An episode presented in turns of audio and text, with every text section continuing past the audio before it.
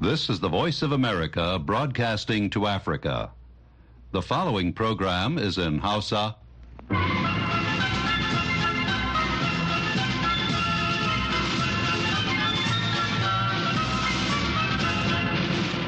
Sashen Hausa na muryar Amurka ke magana daga nan birnin Washington DC.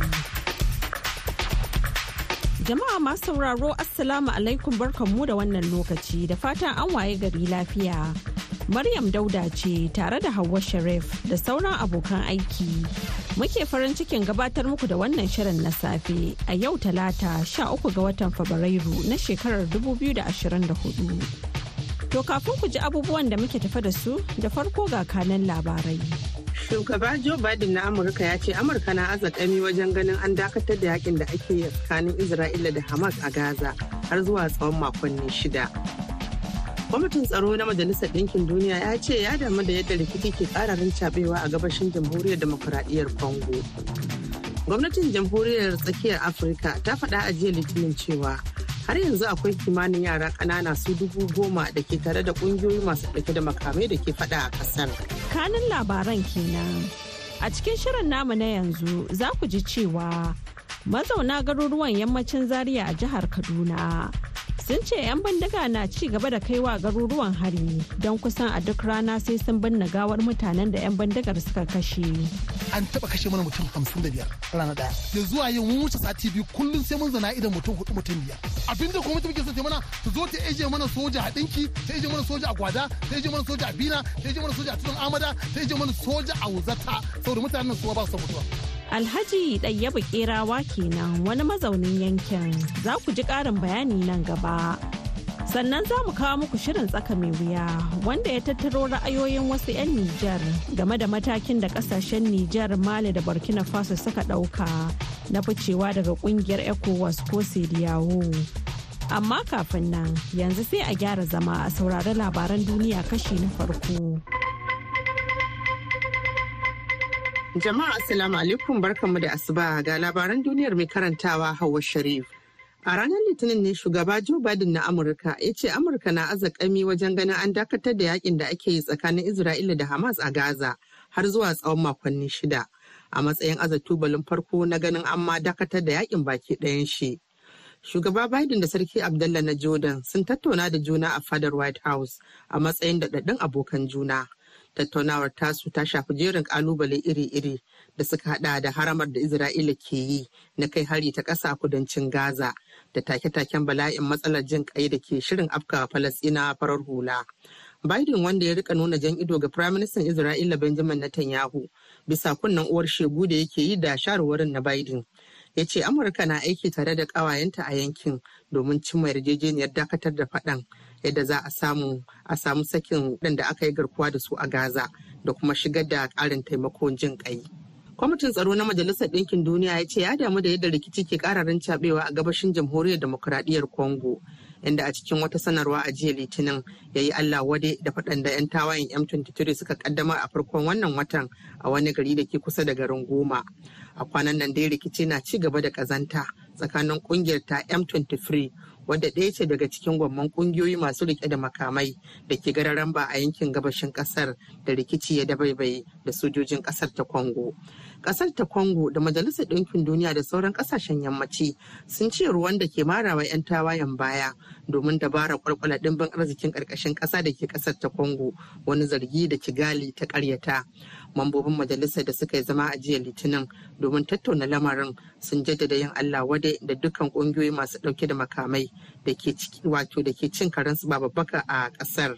Gwamnatin jamhuriyar tsakiyar Afirka ta faɗa a jiya Litinin cewa har yanzu akwai kimanin yara ƙanana su dubu goma da ke tare da ƙungiyoyi masu ɗauke da makamai da ke faɗa sama da shekaru kuma bayan ɓarkewar yaƙin basasar ƙasar. Ministar ma'aikatar iyali da jinsi ta ƙasar Marte Karima ta faɗa cikin wata sanarwa cewa har yanzu ana ɗaukar yara a matsayin sojojin faɗa 'yan leƙen asiri 'yan aiki 'yan dafa abinci da ma yin amfani da su tamkar bayi wajen yin lalata da su yayin da yara su dubu sha biyar suka yi nasarar arcewa daga dakarun 'yan tawayen. Ta ce da dama tsoro ya riga ya shiga zukatansu ta yadda da wuya su iya koma ga kintsatsiyar rayuwa. Tun a shekarar 2013 ne ƙasar mai ɗimbin arzikin ma'adanai talauci ya yi mata kanta ta riƙa fama da rikici lokacin da 'yan tawayen Seleka suka ƙwace iko suka kakkaɓe shugaban ƙasar a lokacin Francois Bozize daga ofis. Majalisar Ɗinkin Duniya wadda ke gudanar da aikin tabbatar da zaman lafiya a ƙasar ta kiyasta cewa faɗan ya laƙuma rayukan dubban mutane ya kuma ɗaiɗaita sama da miliyan guda ko kashi ɗaya bisa biyar na al'ummar ƙasar. A shekarar 2019 dai aka cimma wata yarjejeniyar zaman lafiya tsakanin gwamnati da kungiyoyi goma sha huɗu masu riƙe da makamai. Amma duk da haka tsugunna tashi bata kare ba a ƙasar ana sauraron labaran ne daga nan sashen hausa na muryar amurka a birnin washington dc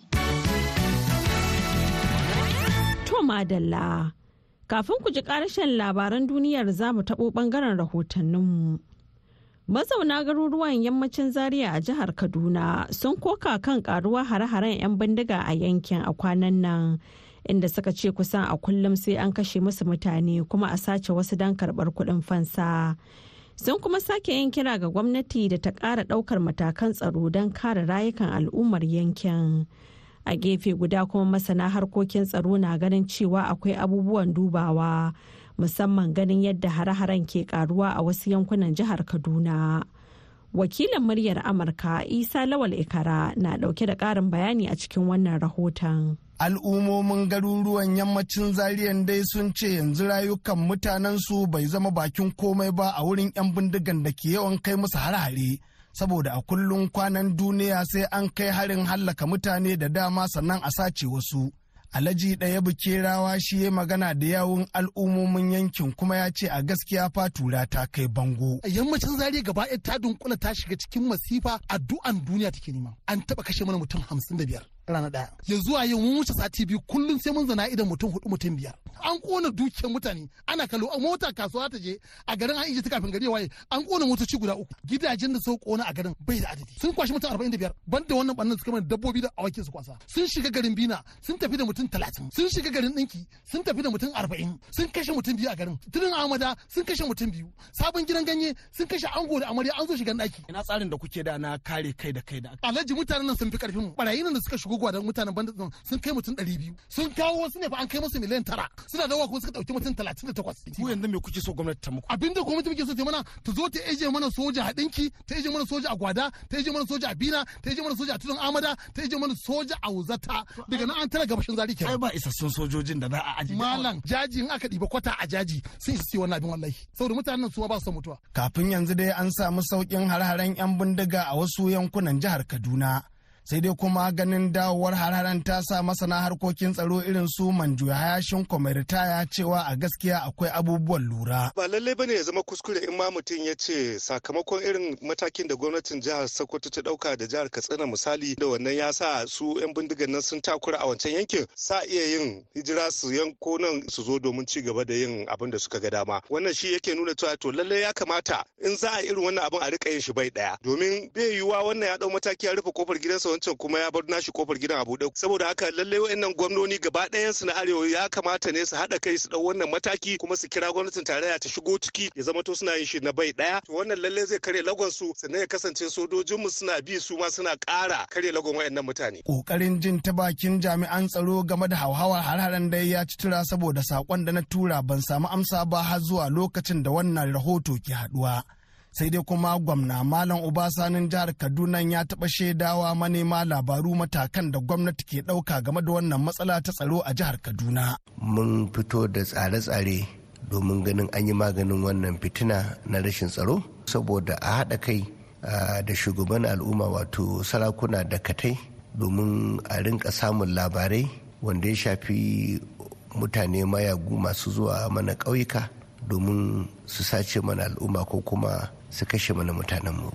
Na kuma ga shi shugaban sojoji na sama kuma wannan zaman da muka da shi suka yarda cewa a kurare guda biyu a jihar kaduna da za a aiko da rundunar sojoji kuma a buɗe babban wuri na sojoji a jihar kaduna. Hararen 'yan bindigan a waɗannan yankuna dai sun zo daidai lokacin da ake fama da tsadar rayuwa. Saboda da dama al'ummomin waɗannan yankuna ba samu sun yi noma ba saboda matsalar tsaro. Sannan yanzu gashi sayan abincin ya gagara saboda tsabar tsada isa lawal ikara muryar amurka daga kaduna a Najeriya. Madalla a gaida Isa Lawal Ikara. Shirye-shiryen na zuwa muku ne daga nan sashen Hausa na muryar Amurka a birnin Washington DC. To yanzu kuma ga karashen labaran duniya. A jiya Litinin mayaƙan Hutu da ke Yaman suka kai wani harin makami mai linzami akan wani jirgin ruwa da ke kan hanyar zuwa wata tashar jirgin ruwan Iran. Lamarin da ya janyo 'yar matsala duk da dai ba wani ma'aikacin jirgin da ya ji rauni cewar mahukunta. Harin da aka kai kan jirgin mai ɗauke da tutar tsibirin Marshall da kamfanin Greek na dafan kaya ta ruwa na Star Aris ke kula da shi ya nuna irin faɗin hare-haren da 'yan hutun ke kaiwa a yanzu kan jiragen da suke kaikaita masu tafiya akan kogin Bahar Maliya da yankin Gulf da hanyar ruwan Bab El Mandeb da ta yi musu mahaɗa. Jirgin na Star Aris da ya kasance babban mai mara baya da samar da makamai ga 'yan hutun a shekarun da suka kwashe suna gwabza yaƙi a Yemen. Ya taso ne daga Brazil kan hanyar shi ta zuwa Bandar Khomeini da ke Iran. Wani kamfanin samar da tsaro mai zaman kansa Abre ya bayyana cewa kamfanin da mai kamfanin na Star Iris yana yawan hulɗar da kwan kaya da ƙasar ta Iran don haka ne ma aka yi hasashen a wannan karan macen ya nufa Abre ya ce kamfanin na Star Iris ya samu nakasu a wani gefe na jirgin. A ranar Litinin ma'aikatar shari'a ƙasar Farisa wato Iran ta ce wata kotun ƙasar ta yanke ma wani mutum hukuncin kisa bisa dalilin kisan wani sanannen mai shirya majige Dariush Maharuje da mai ɗakin shi a watan baya a gidansu da ke kusa da birnin Tehran. A watan Oktoban bara ne aka kashe Maharuje wanda ya tashi a ɓangaren shirya majigi a ƙasar mai shekaru 83 a duniya da mai ɗakin shi Vahida Muhammad Ifra ta hanyar daba musu wuka a gidansu da ke Karaj arewa da babban birnin ƙasar ta Iran. Tun da farko babban mai shari'ar yankin Alboros Hossein Fazili Harikandi ya ce makashin wanda aka kama kwanaki kaɗan bayan ya kai harin tsohon ma'aikacin Maharuju ne cewa kuma ya daɗe yana kullace da shi sakamakon wata sa'insa da suka yi akan kuɗi. Labaran duniya aka saurara daga nan sashen Hausa na muryar Amurka a birnin Washington DC.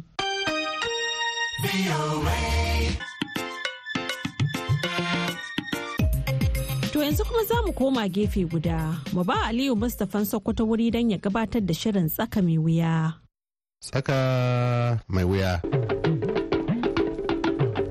Jama'a assalamu alaikum. Barkanku da wannan lokaci da saduwa da kuwa na sabon shiri na tsaka mai wuya.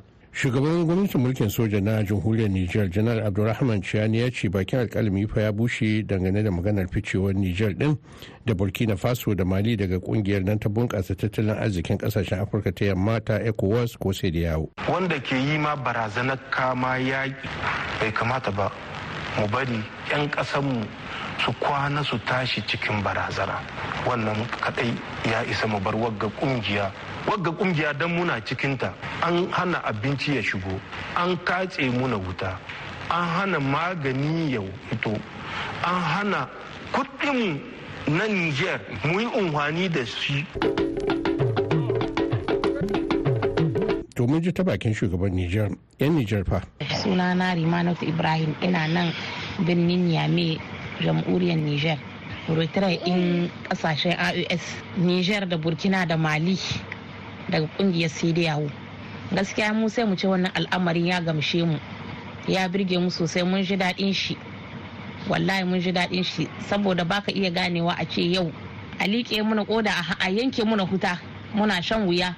A zo a yi negosiye a yi negosiye a samu matakan da an ka ɗauka bisa kan wannan al'amari sai a ce kaza a ce kaza. Ana ta dai ana ta sha muna rai to yanzu dai da al'asim goita da abdurrahman chani da na burkina ibrahim traore da suka ɗauki matakai gaskiya matakin gar sun ka ɗauka ya birge mu. Mun ji daɗin vraiment wanga ita daga sai yawo da sun kai. Sunana dai malam malam mama mai madara. Muna goyon bayan dai a sasanta dai. Ba mu goyon bayan haka yar wannan fitar gada yanzu misali kama akwai mutane wanda suke ƙasashen waje to su yanda ya za su akwai an kasuwa masu fita kenan dole su ma sai sun samu matsala. Hayya guda ce muke muke buƙata a yi kawai a nemi sulhu. Al'umma da dama suna cikin tagayyara. Haka ne. To shirin yau ka cokan kan wannan batu ne na ficewar niger mali da burkina faso daga ecowas. Sai da yawo ko wanda bai nazari ya gane yan shatan faransa ne yan shatan amurka ne. Kurum dai makaron ya rubuta ya ce tunubu da alasan watara da makisal da wani wani ne talon da wani firizankin ghana ga abin da muke so a yi niger. Eh wannan fita mali da niger da burkina faso cikin sai da yawo babban kuskure ne. Kuma wanga kuskure ne wanda zai iya jawo mana illoli da yawa. Yanzu a taso a ce mu mun hita da cikin sai da yawo. In zan tafi nigeria sai na zo nan yamai na yi visa. In zan tafi nan kano ka san da wai jiha bakwai a tsakaninmu da nigeria? Ka san da wannan?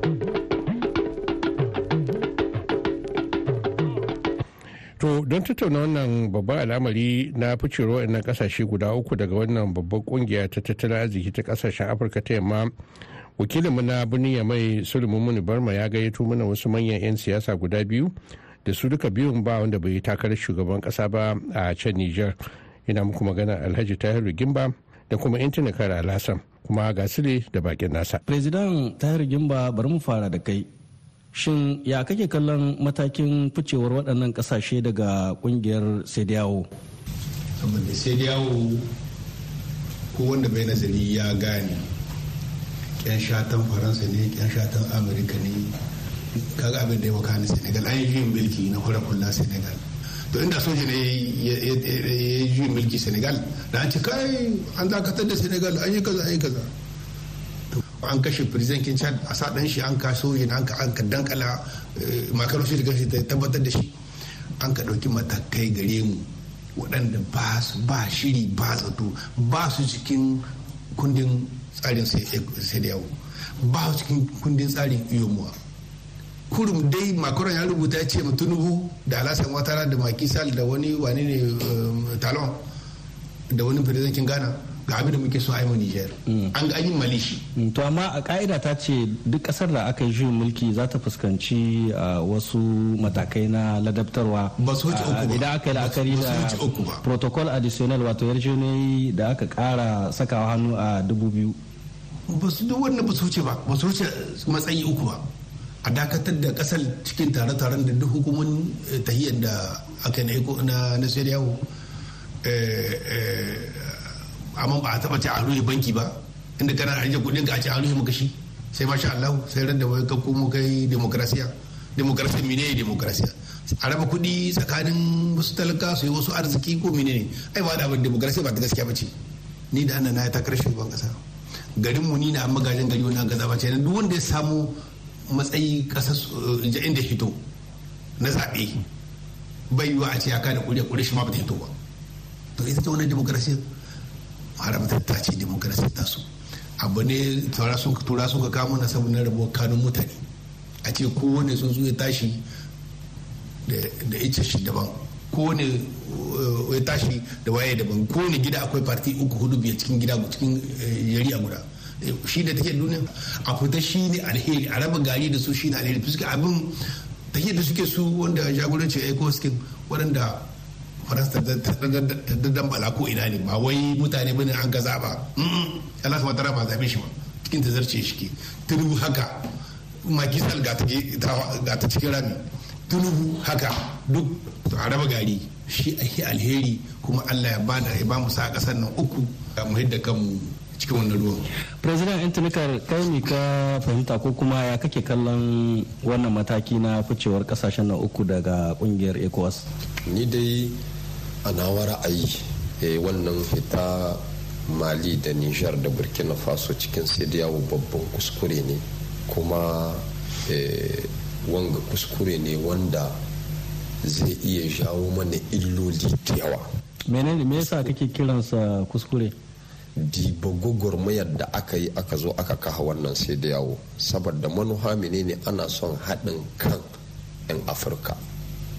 To kenan wagga wucewar tasu kamar su sun ba da gudunmawarsu ga watse ƙasashen afirka sun ba da gudunmawarsu ga rishin kawo haɗin kai na ƙasashen namu na afirka banda wannan kuma ka san da wannan sai da yawon da kake shi sai da yawo ina ne a sai da yawo? Kashi saba'in da biyar na sai da yawo nigeria ne. Wa an nigeria wa an nijar? Nigeria da nijar kamar ƙasa guda ce.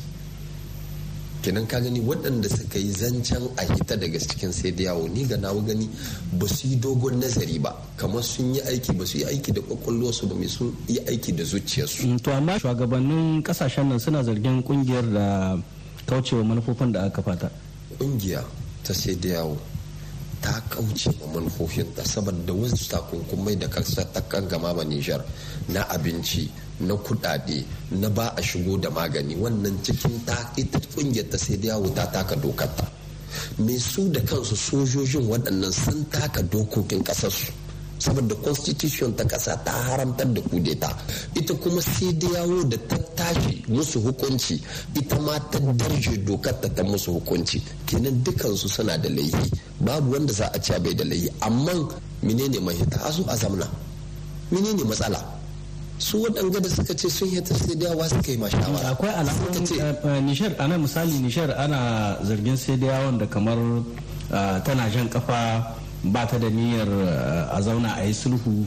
Ganin yadda a baya bayan nan wata tawagar da ya kamata ta zo a tattauna da hukumomin mulkin soja na rikon kwarya ta sanar cewa ba za ta samu zuwa ba saboda da farko sun ce babu ba samu izini na jirgin sai nan ba.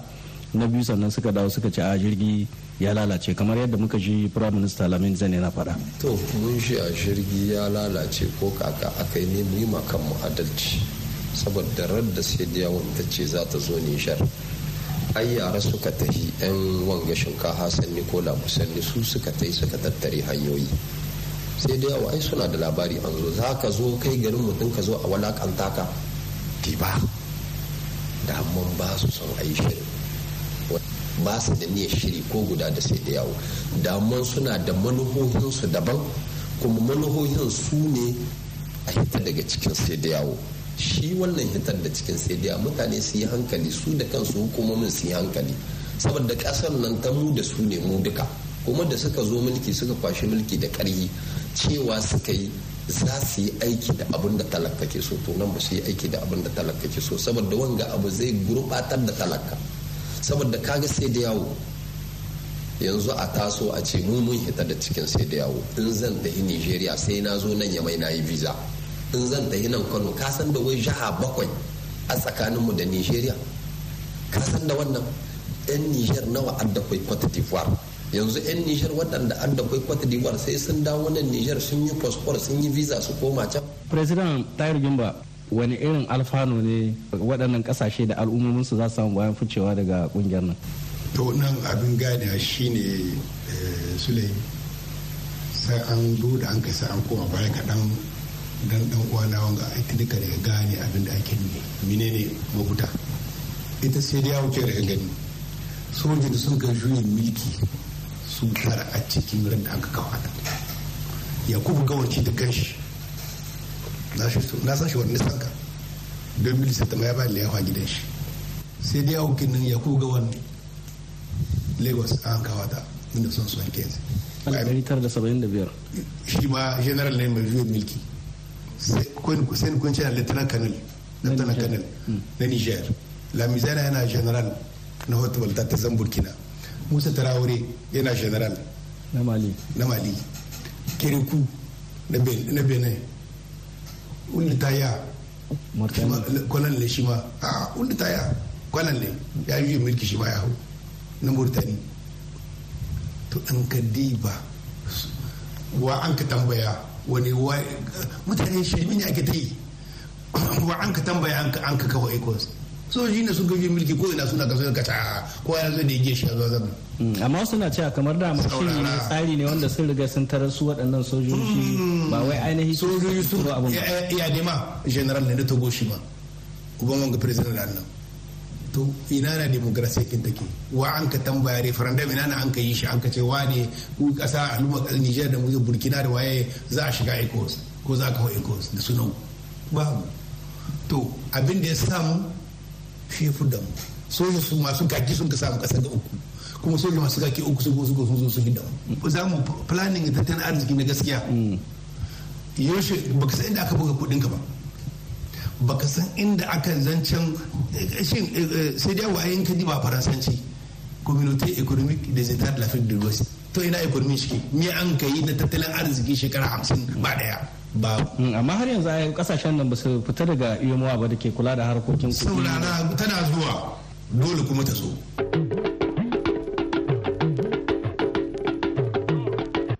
To a gaishe ku malamai. To wannan shine ƙarshen kashin farko na wannan tattaunawa da muhawara kan batun ficewar wayannan muhimman ƙasashe guda uku na sahel daga ƙungiyar ecowas.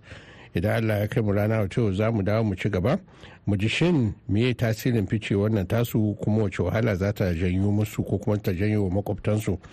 Sannan tun da sun yi ce ecowas ya magana zama cikin ƙungiyar nan ta kudade ta afirka ta yamma wato umuwa sannan za mu ji shin shugaban najeriya tinubu ya ɗau matakin da ya ɗauka matsayin shugaban najeriya ne ko kuma a matsayin shugaban ecowas? Ba da bayan haka wani asara ko kuma walhalu ficewar wannan ƙasashe za ta janyo musu da su kansu makwabtan nasu? Musamman da yake wasu na cewa najeriya ma ta fi shiga wahala fiye da niger dangane da wannan abin da ke faruwa. To sai mun dawo rana wata din. Yanzu ka muna son mu yi godiya ga su baƙi namu alhaji tahiru gimba da kuma intanikar alasan da shi kan shi wakilin namu na can yamai suleiman muni barma da ya haɗa mana hancin wannan muhawara kuma muka kawo muku ita. A madadin su ne ne aliyu mustapha sokoto a washington. Huta lafiya.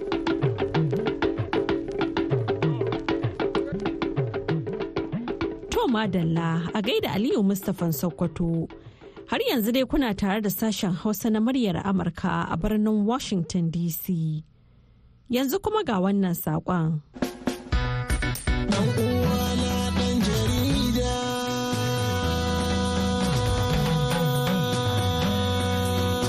Kasance tare da sashen Hausa na murya Amurka a kowace ranar Lahadi a shirinta na ƙarfe 4 agogon Najeriya, Nijar, Kamaru, wato ƙarfe 3 agogon Ghana.